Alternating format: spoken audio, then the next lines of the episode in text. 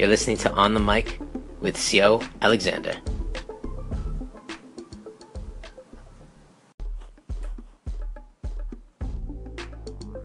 Good morning. Monday, November 20th. Brooklyn, the world. What's good? This is your boy Sio with On the Mic. And before I start um, really getting into a topic, I want to give a big up thanks, props to Anchor, to my friend and mentor Gary Vee, uh, and putting me on to Anchor. I know it's been around for a while, but um, for a little bit, but I'm just really finally getting to it, and I'm just so just hype about this platform. And we're so lucky, right? Because I know everybody's saying this, but it's so true. We're just we're just killing it with the age of the age of communication.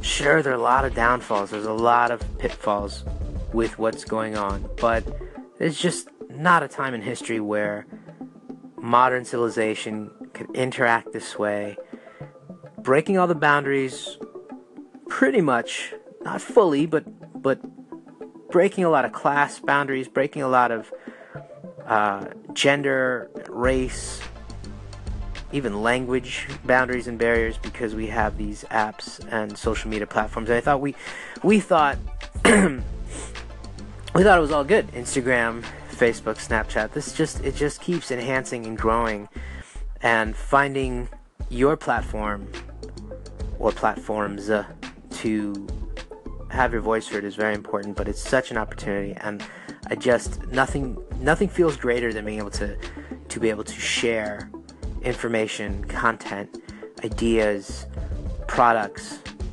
uh, innovations, and feelings. Because we're human beings, we, just, we we have this need, right, to to tell the world who we are, what we are, what we're about, what we're thinking, what we hope for. Sometimes it's in a different genre. It's what we hate or what we we don't want. I'm not really I don't practice in that genre very much. I do practice in criticism, of course, and analysis and and and, and debate. That's a little different than just um, you know hate. So those are some of the pitfalls, of course, right? That that area. So I hope y'all enjoy. I am very excited about listening to what you have to say. So if you want to call in, call in. If you want to just, you know, follow, follow. And if there's something you'd like me to, to listen to or pick up, you know, let's do it. Let's communicate. Let's share. It's all good. You're listening to On the Mic. We'll be right back. Welcome back to On the Mic with your host, Yo, that's me. And it's still November 20th, 2017. We're still in Brooklyn. You're probably listening from here or anywhere else in the world. I love that. And for the first episode, I would love to just get right get it right out. I'm going to talk about a holiday. That's right, a holiday that we're about to celebrate, or many people are about to celebrate, at least in this country, called Thanksgiving. Thanksgiving. So, for me, I'm just going to lay it out there. It is a controversial holiday.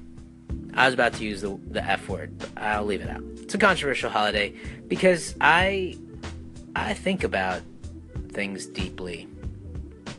Maybe you do too. Do you think about things like holidays and and their history and their meaning?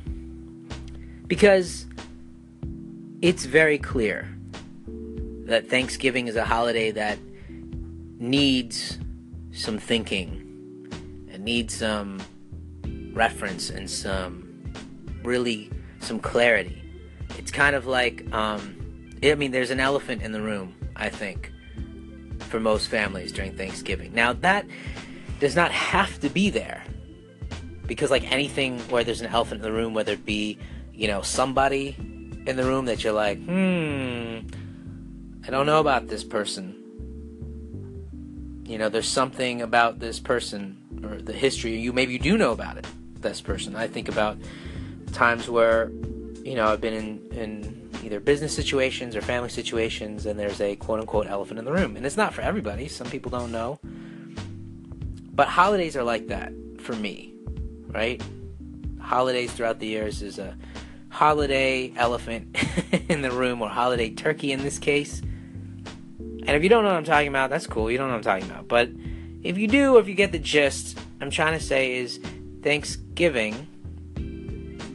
First of all, what a weird like story that's been created that we get taught in public school. I went to private school and it was and it was taught. And this is just not true.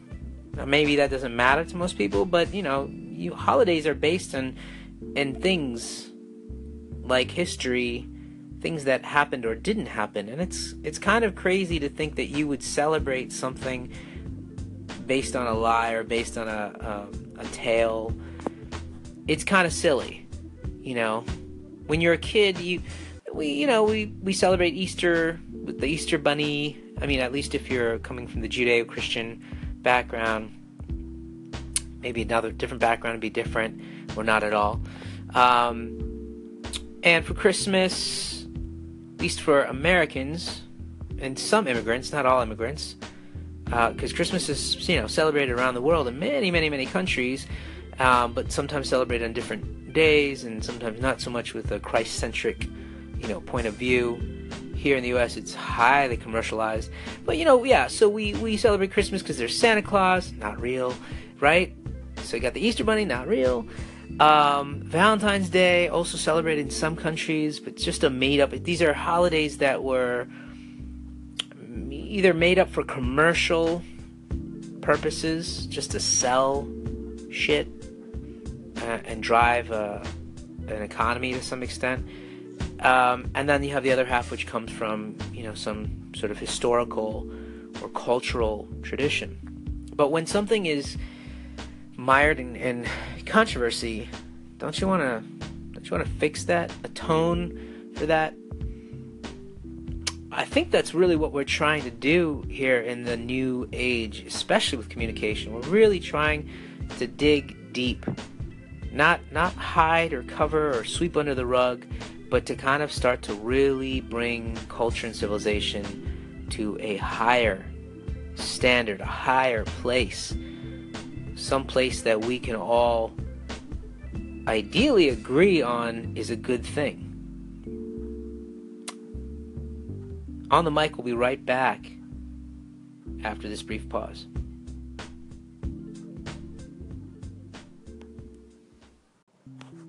Welcome back to On the Mic with your host, Yo. That's me. We're talking about the turkey in the room. Normally, we call it the elephant in the room when something's just not right or there's something controversial. And we don't want to talk about it. We don't talk about it. This is the turkey in the room around Thanksgiving. I always feel there's two turkeys in the room the, the literal turkey that uh, we're about to eat, and then the, the figurative turkey in the room. And we're talking about what is it? Why don't we address the figurative turkey in the room over Thanksgiving? And do we or can we as a culture, do we have the wherewithal, the balls, the chutzpah to come clean, to face reality, face the facts? What am I talking about? You're probably asking. Well, Thanksgiving is just not accurate. Not the story, and not the celebration that comes with it as far as giving thanks. Now, there's a large elephant in the room that just got blown to bits And I'm talking about sexual harassment and sexual abuse. In the media, we have just been inundated with story after story of women and, and some men coming out after decades, not just a couple years, but decades of abuse and harassment in sports, in politics, in media, in Hollywood. This is what I'm talking about. This is happening, and it's happening now. So, we can discuss the violence put upon Americans in the workplace and social places as well when it comes to the political industry, the media industry, the sports industry. And we can trust and listen to these allegations and we can start talking about what's happening, why, and really addressing the pain and the injustice. But we can't do it when it comes to the founding fathers, the beginning of this so called nation called the United States, and the history of Thanksgiving. We just don't do it. Not as a, a general culture. The story usually described to me when I was a kid, and I believe described in every public school. And I went to private school, by the way. It's described the same way. Thanksgiving started a little something like this 1621, right? It's three days of partying by uh, pilgrims who had just arrived, and these Native Americans, the Wampanoag, where they had their first successful harvest. And there was just plenty of food. And, and mind you, the Native Americans taught them, these early pilgrims, to hunt and fish and plant harvest, right? They they had this beautiful celebration, okay? And that was thanks to Squanto, the story, right, of the friendly Indian. And then uh you know, that's it. that's what we celebrate.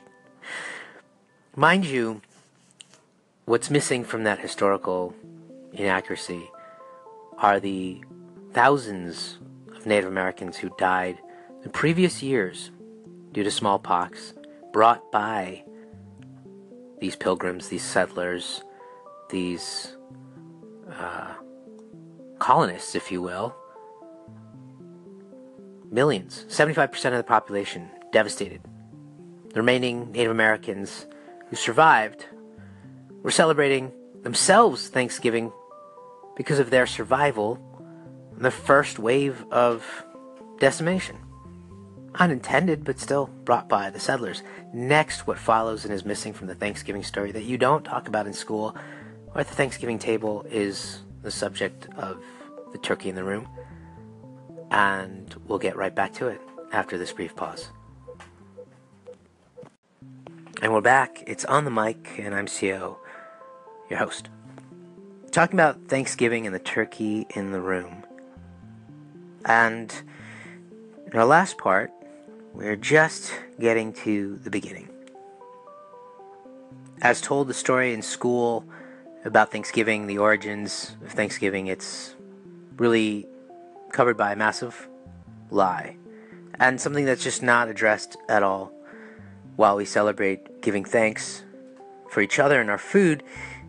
It is in itself a mask to cover the lack of gratitude we give to indigenous people who came before us, to their story of survival, and to the lack of atonement and resolution that we, as a culture and as a country, have not addressed. Many of you may not know what I'm talking about. And if you don't know what I'm talking about, then it really deserve to take some time this Thanksgiving by visiting a local Native American museum. If you're in a major city, you'll find one. By going online and visiting their websites, and perhaps a website that caters specifically to the anthropological or the historical study and struggle of Native Americans from days of settlers until now. You might be even to able to wiki some of this information. But if I could put it in a paragraph, a couple sentences, we're talking about an extent a attempt at exterminating an entire culture, both physically and spiritually and culturally. Indigenous people went from about 15 million inhabitants of North America down to about 1 million. This was a mass genocide um, and really an opportunity for the colonists and the imperialists to create a new country already built on top of another civilization. And by civilization, I mean Native Americans were not at all the savages depicted in movies and media as we often see, but in fact were um, many, many, many different nations and cultures full of music, arts, religion, spirituality, medicine, modern technology in the sense of uh, tools they used for hunting and agriculture, a way of life, language. Actually, much of their culture and government uh, built under a matriarchal society, not patriarchal society, which is also very interesting to understand why it was so important for the colonists to enslave and destroy their culture. This was a patriarchal society intent on ownership and control of land and people. Native Americans really didn't play that game to a large extent.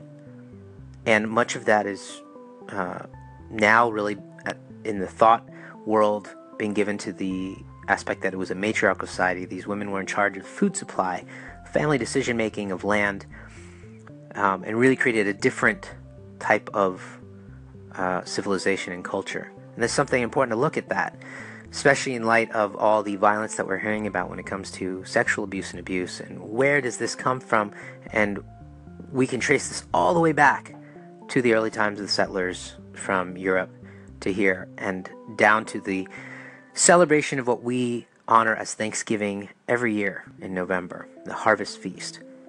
So, my question to you as you listen to this, and you're probably creating a lot of feelings if you're not already understanding what I'm talking about, but is Black Friday and Cyber Monday that important to us that we can't address and talk about these issues and we can't study our own culture and history and atone for the atrocity and the violence that exists to this day?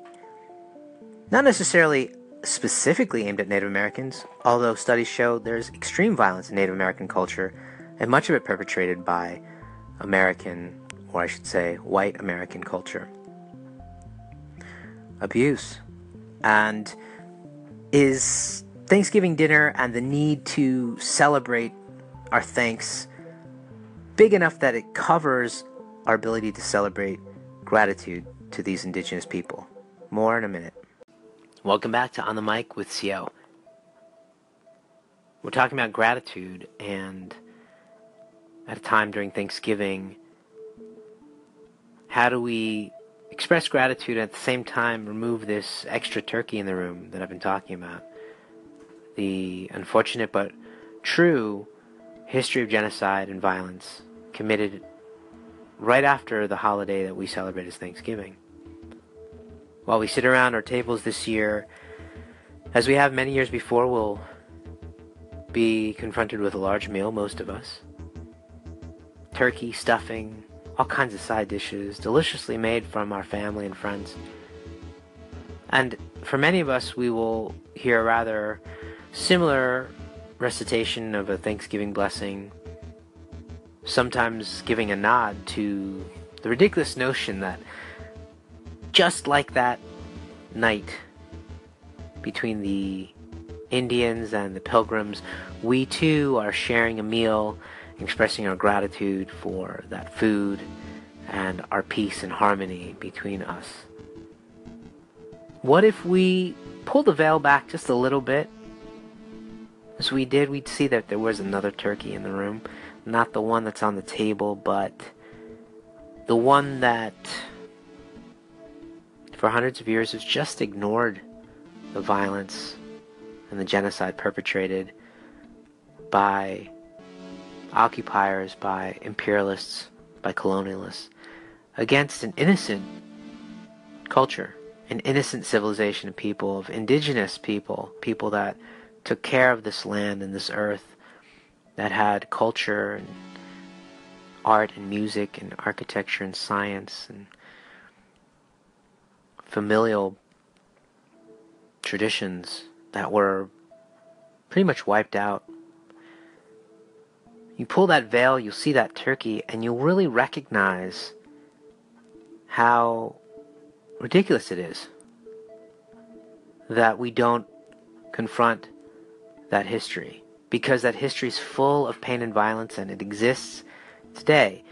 Violence is systemic. It's indoctrinated. It's institutionalized. And if you don't face it, if you don't discuss it, if you don't address it for what it is, it goes on. We live in that culture today, and that genocide and hatred and violence is still perpetrated against Native Americans. We are living on occupied land, and yet we have Standing Rock in South Dakota. We have companies that put their profit margin and their need for oil and resources over the will of humans, of people, of civilization, one that is ignored to this day. And yet we will continue this tradition of Thanksgiving and not discussing that history and that truth and ignoring the pain and the violence perpetrated in this country to this day. And it, it really is systematic and it really does affect more than just Native Americans because we have violence as well, systemic and institutionalized against African Americans and immigrants and against women and against children and against people of different religion, whether you're Muslim or Jewish or Christian or other. And it all comes from the lack of unveiling the mask. We could, this Thanksgiving, recognize and give thanks to our indigenous people from this country who resisted colonial, colonialism to this day, resisted imperialism to this day. Without them, we would not be here. Without them, this would not be cultivated land. Without them, we would not have the history that we share from their oppression.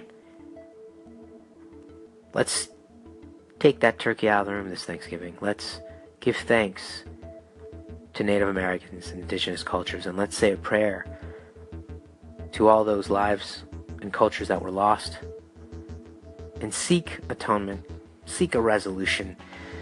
Let's kick that turkey out of the room so we can enjoy the one that's on the table. And only then can we truly be thankful for anything.